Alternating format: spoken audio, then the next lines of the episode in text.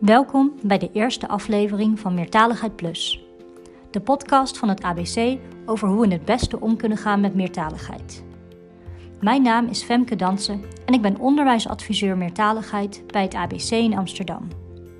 Vandaag ga ik in gesprek met mensenrechtenadvocaat en oprichter van de taalvriendelijke scholen Ellen Rose Campbell en adjunct-directeur en leerkracht van de Sint-Jansschool in Amsterdam Dineke Blikslager.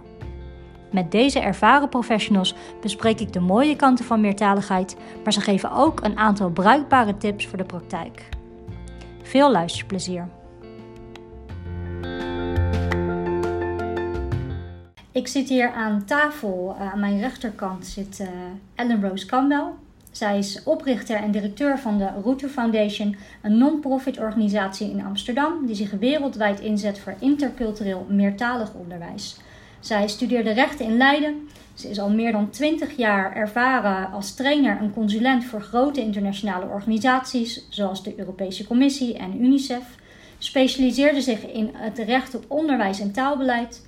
Ook is zij auteur van verschillende artikelen, rapporten en boeken met als rode draad culturele diversiteit en meertaligheid. De van oorsprong mensenrechtenadvocaten creëert momenteel een globaal netwerk van taalvriendelijke scholen. Welkom Ellen Rose. Dankjewel. Nou, fijn er te zijn. Heb ik iets gezegd wat niet klopt of kon je jezelf vinden in de beschrijving? Nee, ik was onder de indruk. Ah, dankjewel, dankjewel. Nou, er is ook veel over jou te vinden online. Dus uh, het zegt iets over jouw uh, werkethiek. Uh, er is veel geschreven en je spreekt vaak op evenementen. Dus het was niet heel moeilijk om een mooi stukje te schrijven over Ellen Rose. En dan zit aan mijn linkerkant Dieneke Blikslager studeerde Europese studies en recht. Daar ontmoette ja, je man Frederik. Uh, je kwam in de zakenwereld terecht, een uh, architectenbureau, een baan waar je veel voor reisde, maar besloot in 1996 toch de PABO te gaan studeren. Inmiddels ben je werkzaam als adjunct-directeur van de Sint-Janschool en je staat zelf ook voor de klas. Jouw school maakt ook deel uit van de onderwijswerkplaats Amsterdam in het kader van diversiteit leren benutten. Je staat alom bekend als voorvechter van het onderwerp van deze podcastaflevering, taalvriendelijk onderwijs. Daarmee de perfecte gast voor een aflevering over de kracht van meertaligheid. Welkom Dineke. Dankjewel. En uh, ook wederom aan jou de vraag, uh, herken je jezelf in de beschrijving? Nou, uh, het klopt. Ja? En je zei zelf al dat je steeds meer jezelf ehm, terugvindt op internet. Ja, uh, ik ben niet zo uh, actief op social media. Dus, uh, maar ik merk dat ik te vinden ben ook. Ja, nou, als ja. voorvechter lijkt het me op zich ook logisch dat je steeds meer te vinden bent. En ik denk ook dat het onderwerp van vandaag, de kracht van meertaligheid, taalvriendelijk onderwijs, dat dat ook de reden is dat jullie steeds vaker genoemd worden in artikelen, dat er gelinkt wordt naar jullie als persoon. Want het is, als ik het goed heb, een onderwerp wat jullie ook uh, na aan het hart staat, als ik me niet vergis. Zeker. Ja.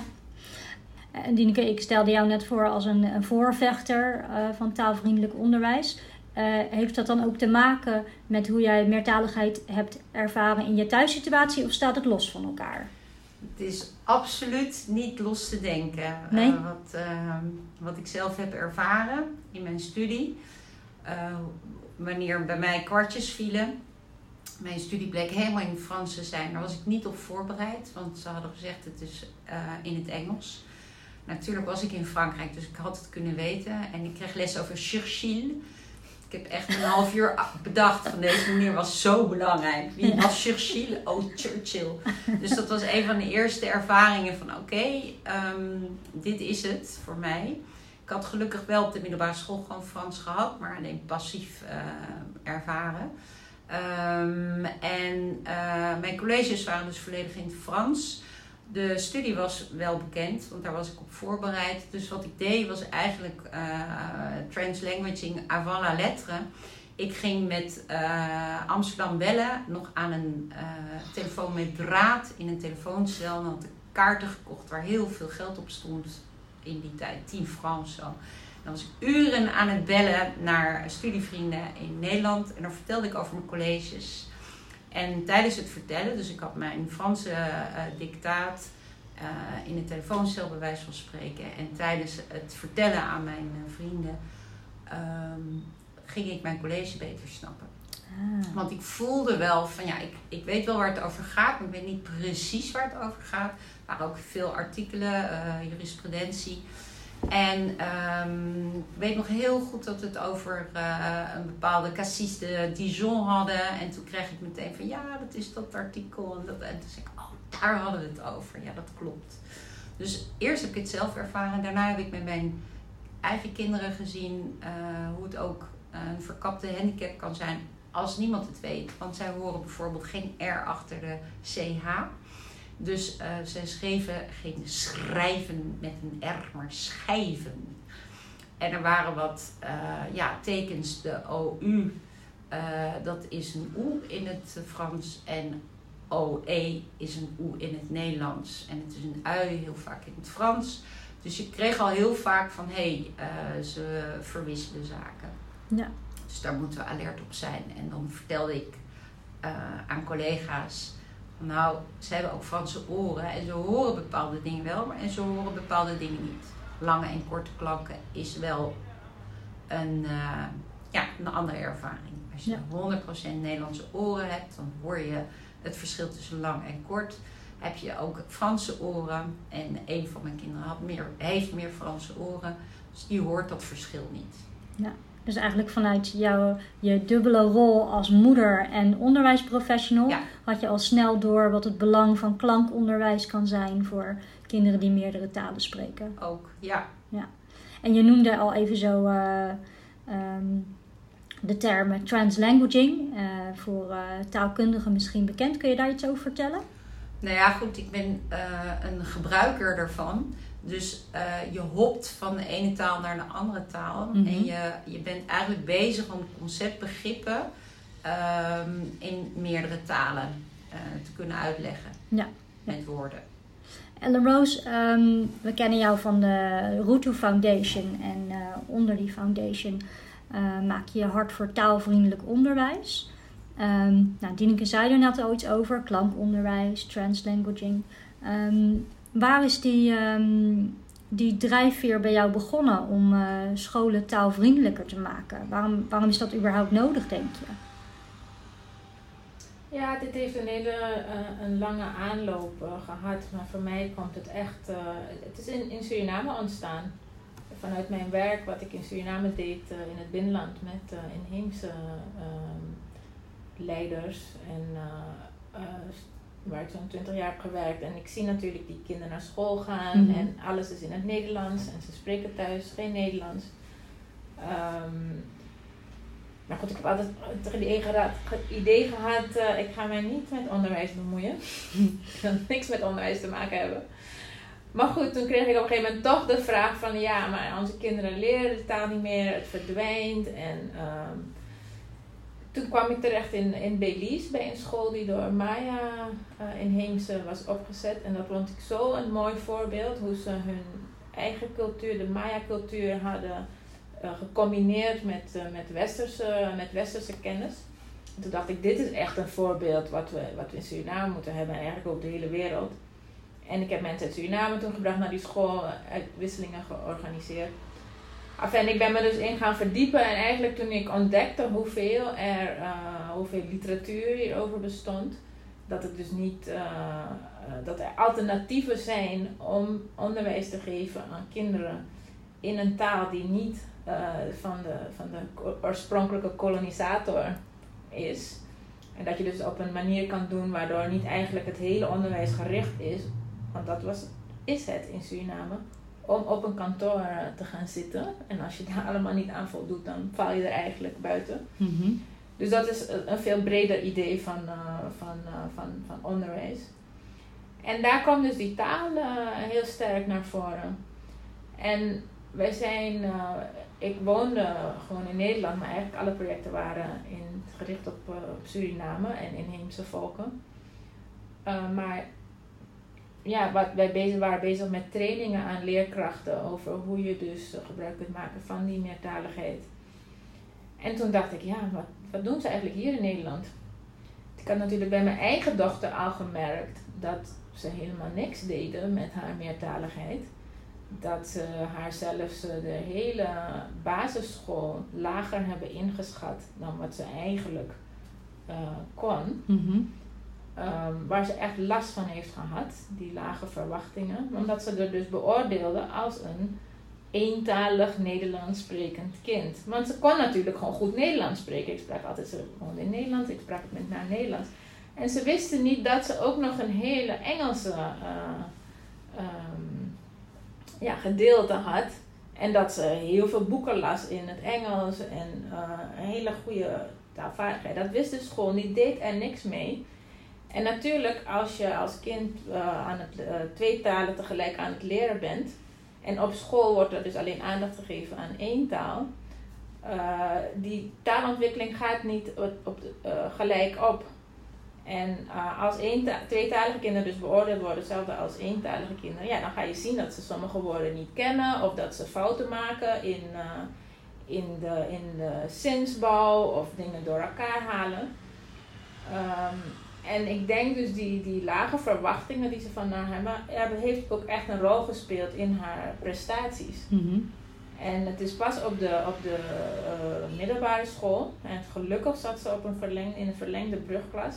En dat is ook precies wat de, wat de literatuur aangeeft. Hè? Dat, um, als je die beide talen ondersteunt, en zij kreeg dus de ondersteuning in het Engels via de vader. En natuurlijk, het is hier makkelijk met televisie en, uh, en internet kun je dat Engels goed ondersteunen. Zie je dus dat het op, op, uh, in, uh, na een aantal jaar dat het in beide talen enorm vooruit gaat. En toen ja, werd eigenlijk gezien maar toen ze in staat was. Dus ze zegt net op het nippertje is ingezien van nou zij kan wel naar het VWO. En vanaf dat moment ging ze gewoon heel goed. En dus ik ging me dus inderdaad echt afvragen van ja, hoe zit dat hier met, uh, met, die, met die meertaligheid? En hoe meer ik me erin ging verdiepen, uh, hoe meer ik erachter kwam van, oh, wacht even, het is helemaal niet een, een bespreekbaar onderwerp. Um, in het, ik, ik ontmoette toen uh, mijn collega Emmanuelle Pichon. Mm -hmm. Die zat toen aan de Universiteit van Utrecht, taalwetenschapper. Zij had meegemaakt dat zij sprak Frans met haar kinderen thuis. Dat, uh, dat zij van de school, uh, door de school gevraagd werd om geen Frans meer te spreken met haar dochter als ze op school kwam. Om haar weg te brengen. En daar was ze zo boos over en wij zijn toen in gesprek geraakt. Het was een beetje op hetzelfde moment toevallig. En wij zijn toen verschillende projecten gaan doen, onderzoeksprojecten ook in Suriname. En toen zijn we eigenlijk, uh, hebben we echt van, nou luister, dit soort dingen gebeurt dus veel. Uh, we moeten iets verzinnen, een, een concept wat en in Suriname kan werken, maar ook in Nederland en in al die andere landen waar die, waar die kinderen worden verboden en soms zelfs bestraft. En hun ouders als ze hun, uh, hun thuistaal spreken. Omdat zij dus echt persoonlijk had gemerkt wat een impact het op haar had gehad dat, die, dat ze dus haar eigen taal niet mocht spreken. Mm -hmm.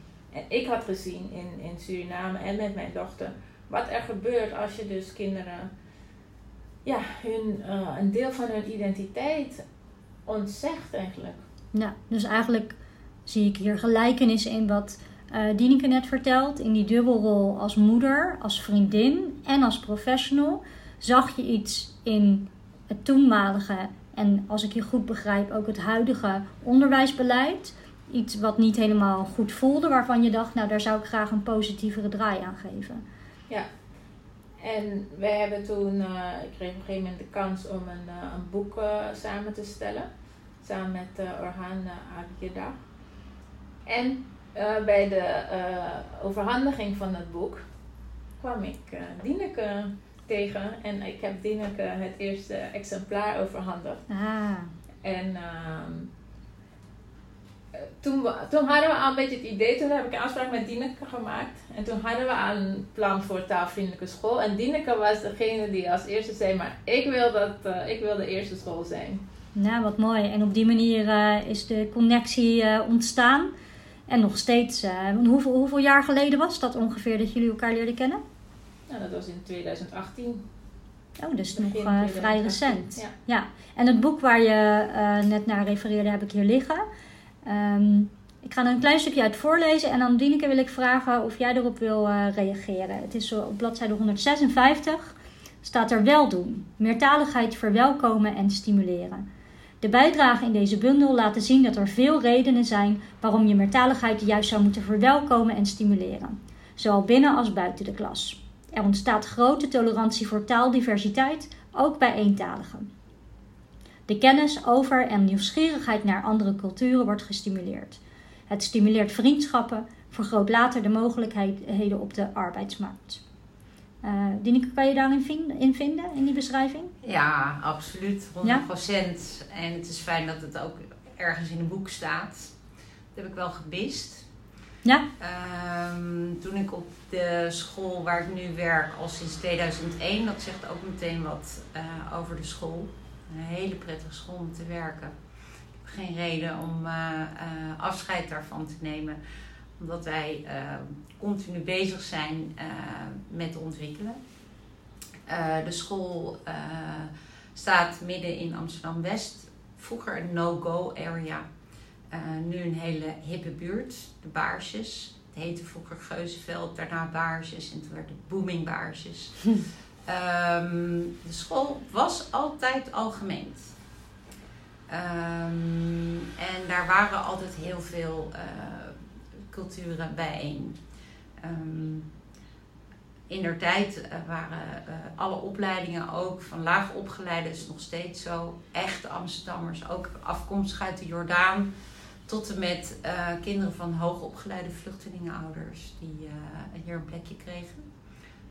Veel arbeidsmigranten, kinderen, inmiddels de vierde generatie geloof ik, zijn heel erg trouw aan de Sint-Jan. Want we hebben hele families uh, groot zien worden. En nog steeds krijgen we kinderen, kleinkinderen op school. Heel erg leuk. En uh, toen ik daar kwam werken, dat was voor mij een soort hè, verademing. Ik kwam daar en ik dacht, jee, hier, hier kan je ook wat. De mindset was al heel positief, heel open. En uh, niet lang daarna was het motto: je mag zijn wie je bent en worden wat je kunt. Uh, wat nog steeds, ja, mensen zeggen dat voel je ook bij jullie op school, dat het ook echt zo is. Ja. Um, de eerste discussie die ik heb gevoerd uh, met collega's over van je moet wel goed Nederlands spreken als ze dat als goed advies wilden meegeven aan ouders, dus ik nee, wat, is, wat zeg je nou? Uh, en um, toen ik daar kwam werken, uh, waren er nog uh, onderwijzers die in eigen taal en cultuur les gaven. Maar okay. dat was echt het allerlaatste, allerlaatste maanden, volgens mij. Die waren daaruit. Um, en het was wel bekend dat er heel veel talen in de, in de gezinnen waren. Verschil toen ik daar kwam en ook mocht meepraten over zaken, over beleid zeg ik nou, regel 1, je moet nooit uh, een kind en ouder um, scheiden van elkaar. Door te zeggen, je moet een andere taal spreken. Dat is helemaal niet wat bij je, bij een gezin hoort. Dus um, dat was eigenlijk, nou ja, ik kon het eerst tegen collega's zeggen. Maar daarna was dus toenmalige directie die zei van ja, nee prima. Dat is, inderdaad, je hebt gelijk. En um, nou ja, gaandeweg begonnen we steeds meer te ontwikkelen. Er kwamen uh, steeds meer mensen bij. En als mensen vroegen aan mij, waar werk je? En dan zei ik, nou, ik werk op een internationale school in Amsterdam. Oh, leuk, interessant. En dan zit er een in Buitenveldert, in Am Amstelveen. En, en, waar zit die van jou? nou, in Amsterdam-West. Oh, zit daar ook een internationale school. Nou, en dat was altijd een beetje uh, het beginpraatje. En gaandeweg kregen mensen wel door, oké, dit zit iets anders dan een traditioneel beeld wat je erbij had. En dan had ik ook meteen een gesprek. Want ik zeg, hoor je nu wat je zegt of eh, zie je nu wat je zelf denkt? Je vult het al meteen in. Internationaal, dat is oké. Ja. Dat is eh, in een hiërarchie is dat het hoogst haalbare. Engels is net zoiets. De stad was aan het internationaliseren. Engels stond helemaal op de kaart. Maar alleen Engels. Maar internationaliseren is natuurlijk veel meer. Als je het vergelijkt met uh, Eindhoven bijvoorbeeld als stad, die hebben heel veel kenniswerkers voor ASML, Siemens, Eindhoven. En die hadden een hele andere benadering voor hun scholen, waar deze kinderen ook naar school gingen. Dat waren niet allemaal internationale scholen, maar ze waren zo gewend om met leerlingen te werken die gewoon ergens vandaan kwamen. En aan te sluiten en hen een plek te geven. Ja. En daarnaast gewoon, tussen aanhalingstekens, de Nederlandse schooltaal goed aanleren. Maar dat geldt voor alle kinderen. Ja. En wat ook in het stukje staat, is dat de en- enkeltalige, in dit geval Nederlandse talige kinderen, taalgevoeliger worden. Eh, wat we zien, wat we in de praktijk ervaren, is dat kinderen het machtig interessant vinden hoe het gaat met allerlei talen. Als ik een les geef over eerste, tweede, derde persoon, ik, jij, hij, zij, wij, jullie zijn, dan zet ik dat minimaal in drie talen op een bord, want die ken ik dan toevallig. Maar daarna doen we even een rondje. In de bovenbouw heb ik het over. Een rondje van eh, wat is het in het Pools, in het Macedonisch, in het Arabisch, in het Turks, enzovoort, enzovoort. En eh, kinderen zijn heel snel gewend dat dat erbij hoort. Die vinden dat leuk.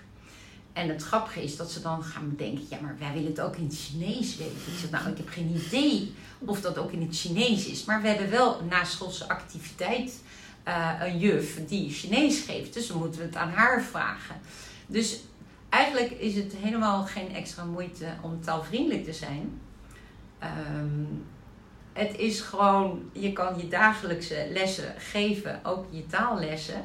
Alleen die dimensie erbij, die vinden en kinderen heel interessant.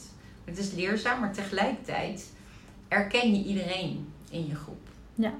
Is dat ook, uh, Anne Rose, wat jij uh, herkent van de taalvriendelijke scholen waar jij mee hebt gewerkt? Dat is precies de bedoeling daarvan, ja. Ja. ja. We wilden een, uh, een, een, concept bedenken wat dus open stond voor alle scholen.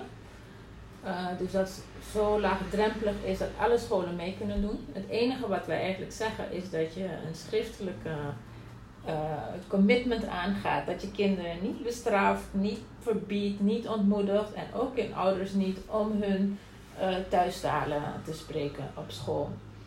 En uh, wat ze dan wel gaan doen aan die, aan die talen op school, in de klas, dat is aan de scholen zelf. Omdat wij dus echt in geloven van elke school is anders. Dat hebben we ook gezien, dat heb ik gezien in Suriname. Elke school heeft een totaal andere taalsituatie. Je hebt scholen waar misschien 99% van de kinderen spreekt één taal. Maar het hele onderwijs is in een andere taal, inclusief de leerkracht. Maar dan zijn er uh, scholen waar uh, heel veel verschillende talen worden gesproken. En dan zijn er een handjevol waar de meerderheid, en dat zijn dus dan in de betere wijken van, uh, van Paramayo, waar de meerderheid van de kinderen dan Nederlands thuis spreekt. Maar dat zijn er maar een paar. Dus we zochten iets wat voor overal voor iedereen zou werken. En het idee, en nou ja, wat we hebben gedaan is een, een soort uh, menukaart gemaakt. Om scholen toch een idee te geven, wat kan je dan allemaal doen? En wat Dieneke vertelt, is dus om echt in de klas te werken met al die verschillende talen, om ze te vergelijken. Um, als een manier om inderdaad erkenning te geven aan, aan, aan die talen. Maar je zet natuurlijk die kinderen meteen in het zonnetje. Uh, terwijl op school, waar ze dus uh, echt gezegd wordt, nee, alleen Nederlands, is de focus dan alleen maar eigenlijk op wat ze niet kunnen. En met als gevolg dat ze of niks zeggen, dus gewoon niet meedoen, uh, of zich dus gaan schamen voor, voor hun, hun eigen taal. Um, en voor hun eigen taal en daarmee ook voor hun ouders. En dat kan echt al op een hele subtiele manier. Je hoeft niet een bord te zetten, hier wordt alleen Nederlands gesproken. Als je op school nergens zichtbaar maakt dat er andere talen aanwezig zijn, als er alle boeken zijn in het Nederlands, um, kinderen krijgen heel snel de boodschap van onze taal is niet gewenst. En daarom zeggen we dus ook, nou ja, een van die opties is uh, waar je kan kiezen, is maak de talen zichtbaar. En dat kan heel, uh, heel simpel. Uh, je kan ouders gewoon vragen, schrijf, uh, schrijf een berichtje voor je kind op in jouw taal. Of in een taal naar keuze. En, en laat dat dan zien. Of schrijf welkom. Weet je, het, is, het kost niks. maar het geeft een heel ander gevoel als je de school binnenstapt. En je kan dan een stap verder gaan en ook echt in het, in het onderwijs ermee gaan werken.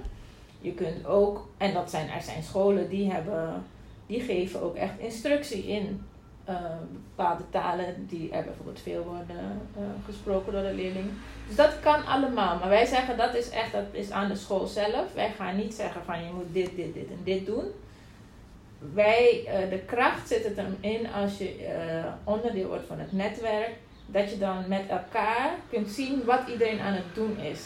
En wij zijn ervan overtuigd uh, dat als, uh, als scholen horen wat de reacties is van de kinderen, of als ze het zien door video's, of, uh, en, dat ze dan zelf nieuwsgierig worden van hé, hey, dat, dat wil ik ook. En als je zover kan krijgen van nou ga maar eens experimenteren en dan zien ze het zelf, ze ervaren het zelf. Nou ja, ik denk dat uiteindelijk we dan naar, naar een situatie gaan waarin iedereen zegt van ja, dit is, dit is hoe we les moeten geven. De school is er uh, voor de kinderen. Kinderen zijn er uh, niet voor de school. Wij moeten zorgen dat onderwijs zich aanpast aan de kinderen. Ja, ja mooi gezegd.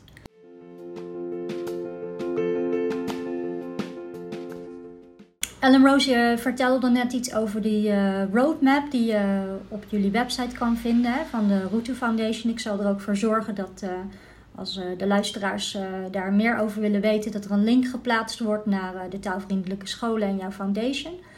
Um, maar ehm, je vertelt over hoge verwachtingen, hoorde ik je zeggen. Um, ik hoorde je zeggen een plek maken voor verschillende talen. maar wat zou je dan zeggen tegen mensen die zeggen van hé, hey, maar raken kinderen daar niet van in de war? Al die verschillende talen in de klas. Wat, uh, wat voor advies zou je die mensen kunnen geven?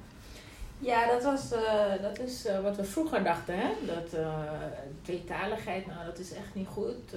men was, denk, dacht zelf dat kinderen schizofreen zouden worden als, als je twee talen zou leren. Dat inmiddels weten we dat dat niet meer zo is. En we weten ook dat het juist zelfs allerlei voordelen heeft. Ja? Um, als, uh, ja, want het, het blijkt dus door hersenonderzoek wat men heeft gedaan, dat in hetzelfde gebied waar dus um, uh, de talen zijn uh, opgeslagen, zullen we maar zeggen, dat uh, kinderen, mensen die meertalig zijn, dat zij afhankelijk van de situatie, wanneer ze aan het spreken zijn, dat ze dan het gedeelte wat ze uh, hun andere taal eigenlijk onderdrukken. En um, op het moment dat ze het weer nodig hebben, dan, dan komt het weer eruit. Maar in feite zijn ze dus heel erg bezig om hun hersenen te trainen. En in datzelfde gebied zitten ook de executieve functies die we nodig hebben om te leren. En dat blijkt dus door die training dat dat dus ook een positief effect heeft voor andere uh, gebieden. Uh, en zelfs um, uh, dat het uh, zo goed is voor onze hersenen dat het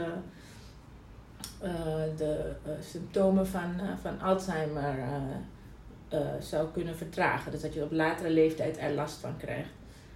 Um, dus dat, het idee dat het kinderen verward, dat is echt, echt achterhaald. Um, kinderen zijn prima in staat om twee, drie, vier er zijn uh, kinderen die vijf talen uh, meekrijgen. Gewoon omdat de situatie waarin ze zitten zo is. En door de migratie uh, die we hebben, gebeurt dat steeds meer. Dat één oma spreekt één taal. Oma twee spreekt een andere taal. Opa spreekt weer iets anders. De vriendinnetjes of de, de nanny spreekt weer een, een derde taal. En dat ouders ervoor kiezen om die talen inderdaad uh, uh, te ontwikkelen in, uh, in het gezin. En dat gaat niet vanzelf overigens hoor. Daar moet je echt wel een plan voor maken. En, ehm, en het wil echt niet zeggen dat je dan ook in al die vijf talen helemaal alles op hetzelfde niveau krijgt. En dat hoeft ook niet. Maar dus daar moet je een plan maken van welke taal wil je dat ze echt goed leren uh, lezen, spreken en schrijven. En voor welke talen is het genoeg om een, uh, een goede, het goed te kunnen verstaan, bijvoorbeeld. Um, en ja, wat, wat, wat ik denk dat wat, wat veel leerkrachten waar ze van schrikken, is het idee dat ze heel veel verschillende talen in één klas hebben. En hoe hou je dan de controle over die klas? Want dat is wat we dus veel, uh, is eigenlijk de eerste vraag zo'n beetje als we met, uh, met school in gesprek gaan hierover. Maar ja, ik versta niet wat ze zeggen. Dus uh, wat als ze over mij praten? Wat als, als ze onderling dingen tegen elkaar zeggen, ruzie maken? En daar kan ik als leerkracht niet op reageren. Ik ben benieuwd wat, hoe Dieneke dat, dat aanpakt. Ja, daar ben ik ook benieuwd naar. Want Dineke, jij uh, werkt al langer binnen een taalvriendelijk klimaat bij jou op school. Um, dus voor ouders die zeggen: uh, hey, maar als ze in een taal spreken die ik niet spreek, of voor leerkrachten die dat zeggen, um, hoe weet ik dan zeker dat ze het niet over mij hebben? Hoe heb jij dat ervaren bij jou in de praktijk?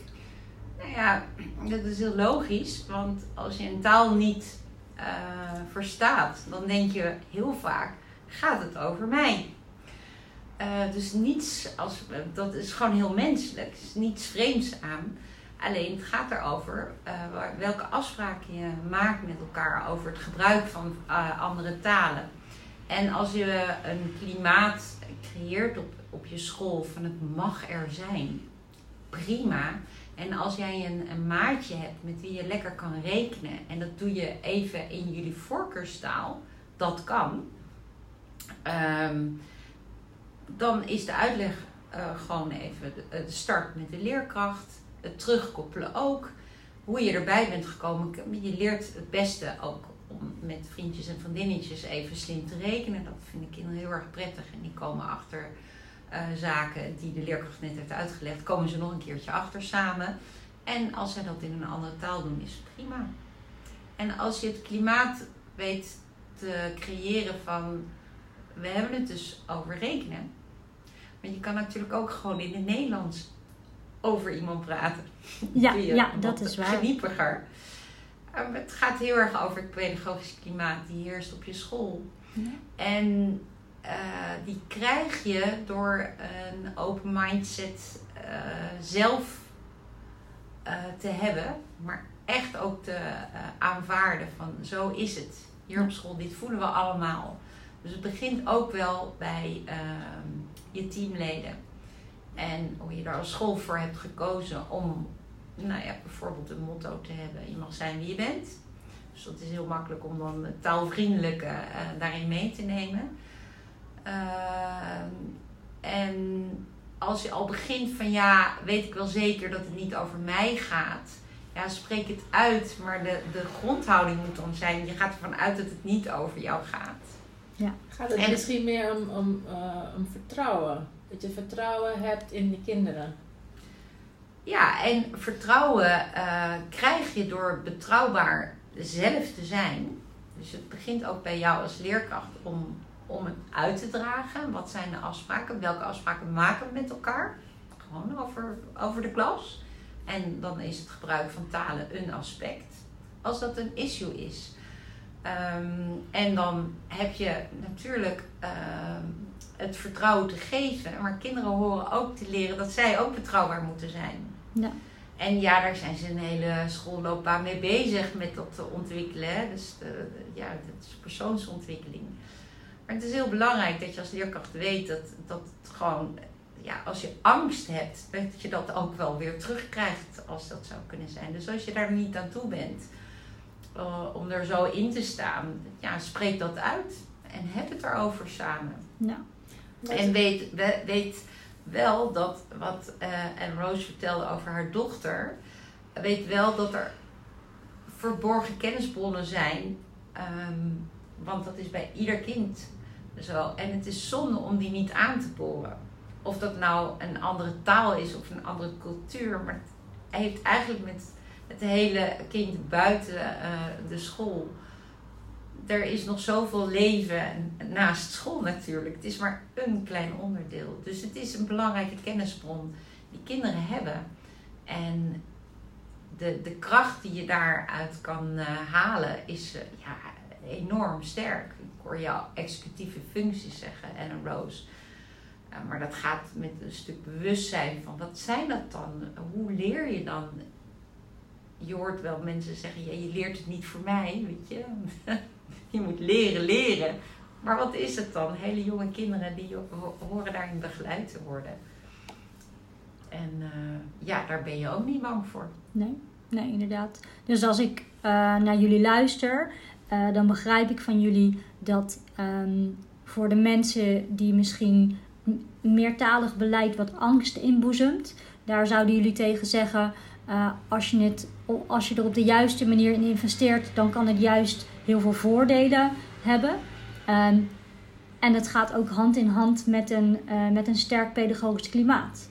Als het gaat om het respecteren van elkaars talen, ehm, gebruik maken van die onderliggende kennisbron, in welke taal dan ook. Ehm, stel nou dat er mensen zijn die hier naar luisteren en denken: zo had ik er eigenlijk nog nooit over nagedacht. Ehm, ik zou hier morgen wel eens mee aan de slag willen. Ehm, hebben jullie dan tips voor onderwijsprofessionals hoe ze daarmee aan de slag kunnen? Waar moeten ze beginnen? Eh, ik zou beginnen met eh, in kaart brengen welke talen er zijn in je klas. Ehm, en dan niet ervan uitgaan van, oh, je hebt een Turkse achternaam, dus je zal wel Turks spreken thuis. In Turkije worden er allerlei talen ook gesproken. Ehm, en soms weten kinderen zelf ook niet hoe hun taal heet of hoe de talen heten die ze allemaal spreken. Dus daar is echt wel even, ehm, moet je soms de ouders bijhalen. Ook een, natuurlijk meteen een goede manier om ook de ouders beter te leren kennen. De band tussen de leerkrachten en ouders natuurlijk heel belangrijk voor, ehm, voor het kind. Ehm, en goed, dat kan op allerlei manieren om de, om de talen um, daarachter te komen. Bijvoorbeeld door zo'n taalportret. En uh, aanhakend bij wat, uh, wat Dineke zei over als je dus zoveel talen hebt in die klas en hoe ga je daarmee om. Het bespreekbaar maken, wat ze bijvoorbeeld doen bij een van onze scholen in, in Canada, is dat ze het gewoon echt samen met de kinderen regels maken daarover. En als je al de regel hebt in de klas van je mag elkaar niet uitschelden, uh, je mag niet buitensluiten, dan is dit eigenlijk gewoon een, een, een heel gemakkelijke volgende stap. Maar dan maak je het expliciet. Van je mag een, je eigen taal spreken of een andere taal spreken, maar je mag anderen niet buitensluiten. Dus als je een groepje hebt, dan moet je ervoor zorgen dat we elkaar allemaal verstaan. Um, en wat ze dus zien is dat als je die afspraken hebt en als je dus dat klimaat hebt gecreëerd waarin je dus ook de kinderen, ook al versta je ze niet, maar jij geeft het vertrouwen van, jij gaat aan het werk in de taal en daar ben je mee bezig. Dat zij dan ook uh, naar je toe komen en zeggen van nou, dit en dat is gebeurd en die heeft dat en dat gezegd en dat mag niet. Dus op die manier uh, um, ja, hoeft het helemaal niet anders te zijn dan uh, in een klas waar je maar één taal toelaat. Dus dat zijn eigenlijk hele praktische dingen om mee te beginnen. Om, en het, het, is wel echt belangrijk om die regels samen met de kinderen te maken. En ook gewoon op te hangen, duidelijk voor iedereen zichtbaar. En er dan ook aan te houden. Ja, dus als ik je goed begrijp, dan zeg je... begin eens met een portret maken van welke talen er worden gesproken of gehanteerd in de klas. En maak er ook duidelijke afspraken over met de kinderen samen. Ja. Uh, heb jij daar nog een aanvulling op? Nou, ik wilde um, uh, nog toevoegen. Er zijn twee zaken. Ik wil het even over nog de ouders hebben. Mm -hmm. uh, maar de kinderen, in het begin, toen wij echt stimuleerden van nou, gebruik ook hè, de taal die je thuis spreekt. En dan moet je ook nog weten dat heel veel kinderen de taal helemaal niet spreken, maar die horen het alleen. Mm -hmm. en het gaat er bij ons op school niet om dat je je voorkeurstaal of je thuistaal verbetert. Het gaat om uh, nou ja, het gebruik maken van wat je vanuit huis meekrijgt. Dat voor je schooltaal ook te gebruiken en dat het er mag zijn. Uh, maar kinderen zeiden, ah, dat mag niet.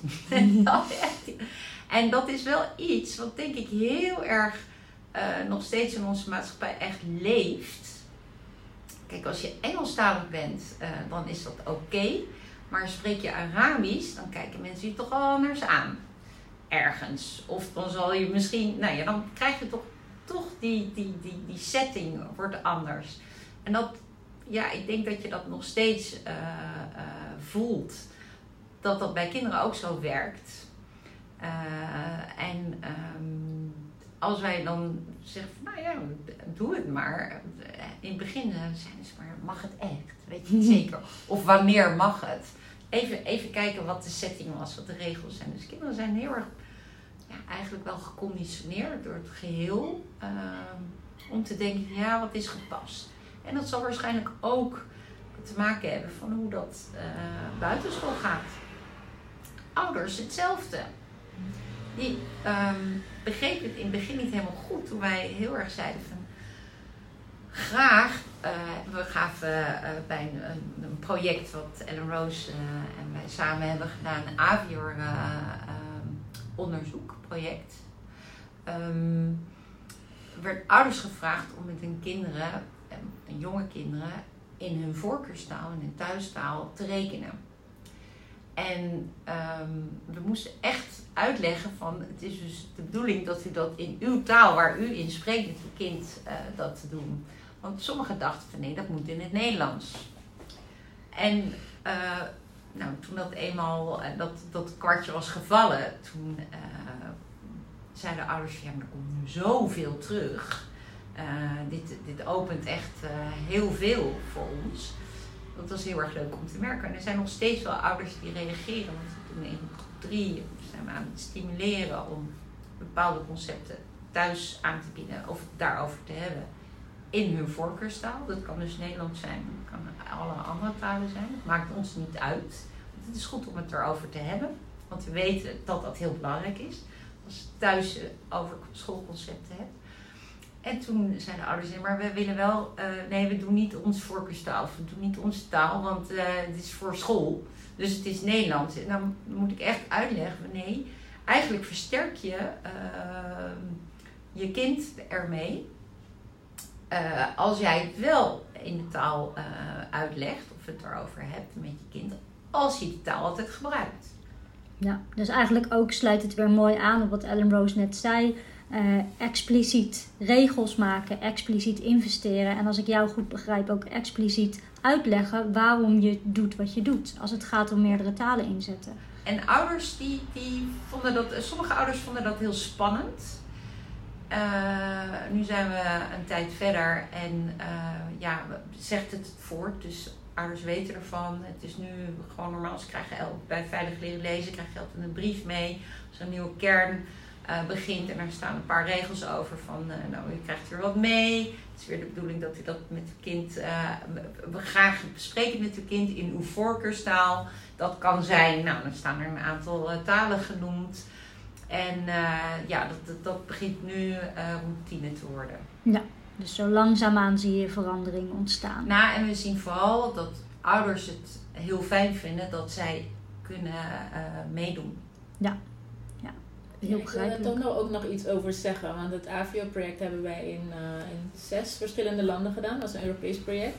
En overal zeiden zowel de leerkrachten als de ouders uh, dat die ouders gewoon veel meer uh, betrokken waren. Dat ze een veel betere relatie hebben gekregen met die ouders. En dat waren dus echt simpele um, uh, waren verhalen in, in, in, in meerdere talen. Of reken, rekenoefeningetjes. Het stelde eigenlijk echt niet zoveel voor. spelletjes eigenlijk. En, maar gewoon het feit dat die in sommige gevallen dus die ouders zagen soms voor het eerst hun eigen taal geschreven. Dat was bij, bij Roma-ouders in, in Kroatië. Mm -hmm. maar in, hier in Nederland hebben we ook het, het voorbeeld gezien van wat een impact het project had op, op een aantal ouders die zich heel erg ja, buitengesloten voelden van het onderwijs. Omdat ze dus het Nederlands niet, niet beheersten. En omdat ze vroeger de boodschap mee hadden gekregen van op school mag je alleen Nederlands spreken, dus ik ga nooit meer naar school. En die, dus die afstand was zo groot geworden. Maar door, door dit project niet alleen snapten ze opeens nu beter wat er op school gebeurde. Uh, maar was er dus ook gewoon echt fysiek contact met de leerkracht. Want ze ging naar school en ze sprak met de leerkracht. Maar ook met andere ouders. Dus ze heeft heel veel dingen in gang gezet. En in één geval zelf um, ging deze moeder op Nederlandse les door dit project, doordat ze dus met andere Dus voor ons, voor mij was het echt, ik was echt heel verbaasd over, over de resultaten hiervan.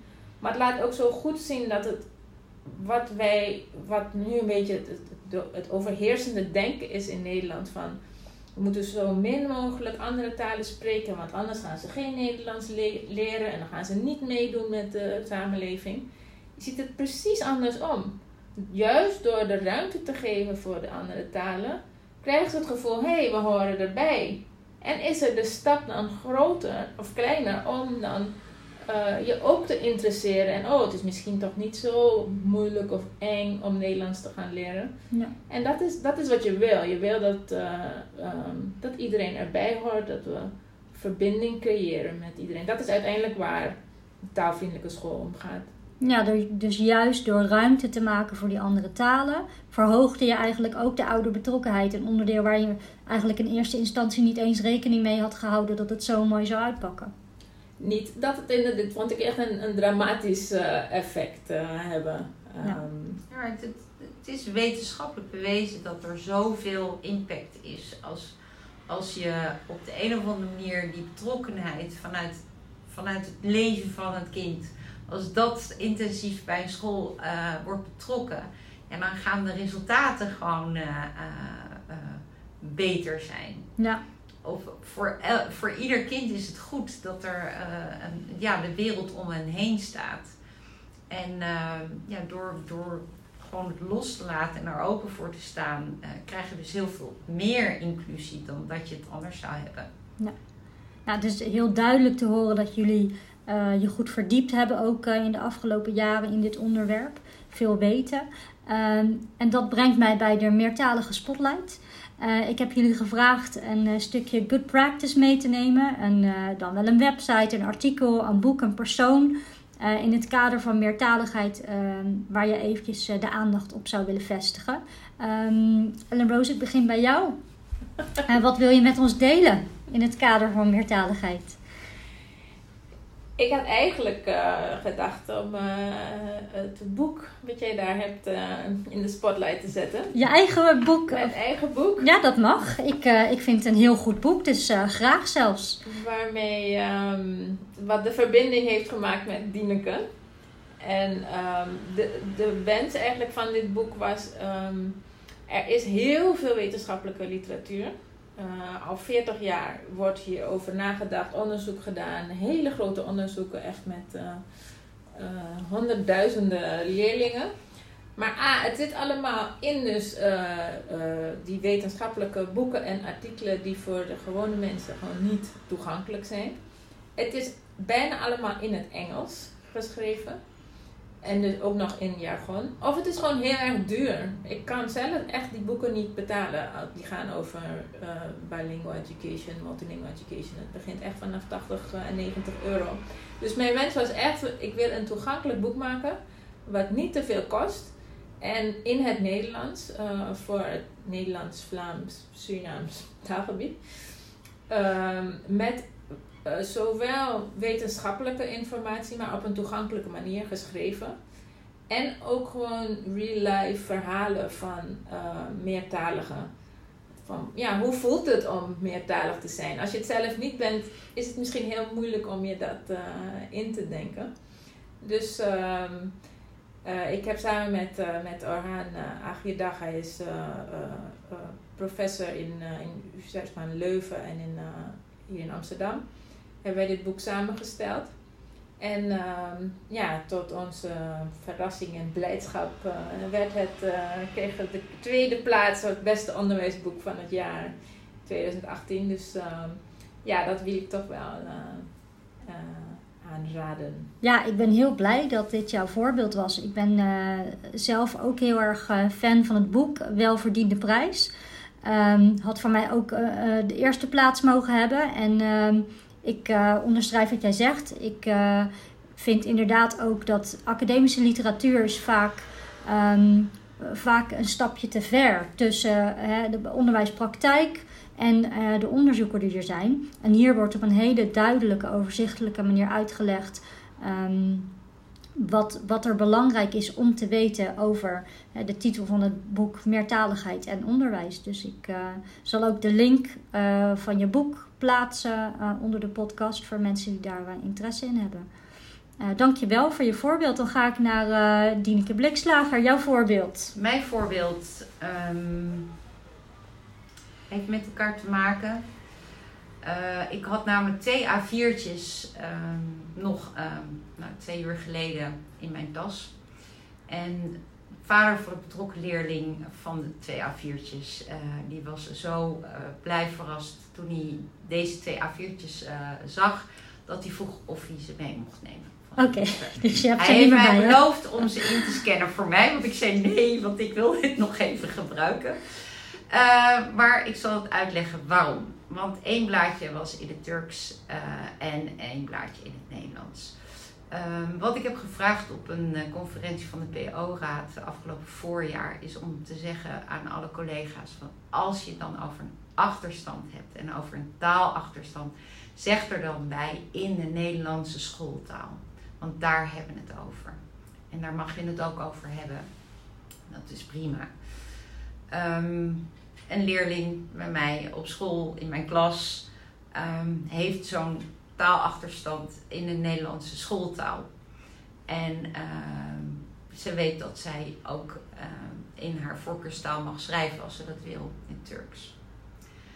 Dus uh, in plaats van drie regels, wat meer de output was. Uh, hij heeft het schrijven uh, gevonden en schrijft ze gewoon veel en veel meer. En biedt daarna heel lief aan, juf, zal ik het ook even vertalen? en dan zet ze de regelnummers erbij. Zo schattig, echt. Ja. Tuurlijk. Ik vertelde dat aan haar vader, niet zo lang geleden. En die zei, schrijft zij in het Turks? Kan ze dat? Ik wil het wel eens zien, zei hij. hij heeft het vandaag gezien. Oh. Ik zag wat het met hem deed. En ik kon natuurlijk niet zeggen, dat neem ik mee. Nee. Want dat, uh, ik moest een good practice meenemen. Dus uh, vandaar dat ik deze blaadjes uh, nu niet kan laten zien. Maar dit was voor mij het ultieme bewijs van hoe makkelijk het ook kan zijn. Ja. En vooral het aanbod van zak het voor je vertalen juf dat heb ik natuurlijk echt machtig gevonden. Want zij heeft een heel, heel verhaal en dan vertaald in het Nederlands. Dus het was gewoon eerst. Dus iedereen die zegt van je leert er niet zoveel van, die heb ik bij deze uh, gezegd van doe, ervaar het maar. Het hoeft niet. Een eerste stap is verbied het niet. En uh, zie het als een kracht. Ja. En absoluut niet als een achterstand. Ja, dat, ik vind het een hele mooie afsluiter. En ook, uh, je hebt het dan wel, eh, mag ik zeggen, met een hele goede reden niet meer uh, niet mee kunnen nemen, de A4'tjes. Maar het verhaal spreekt boekdelen en is een mooie samenvatting van wat we vandaag besproken hebben. Dan zeg ik bij deze heel, heel, heel erg bedankt. Ik vond het zelf ook een eer om met jullie aan tafel te zitten en over dit mooie onderwerp te praten. En ik heb zo'n gevoel dat we hier nog wel een keertje een vervolg uh, aan kunnen vastplakken. En uh, dan wil ik de luisteraars bedanken voor het luisteren naar uh, deze aflevering. En we horen en zien elkaar hopelijk weer snel. Dankjewel. Dankjewel.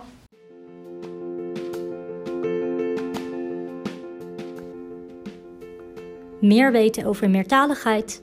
Ga naar www.hetabc.nl/podcast.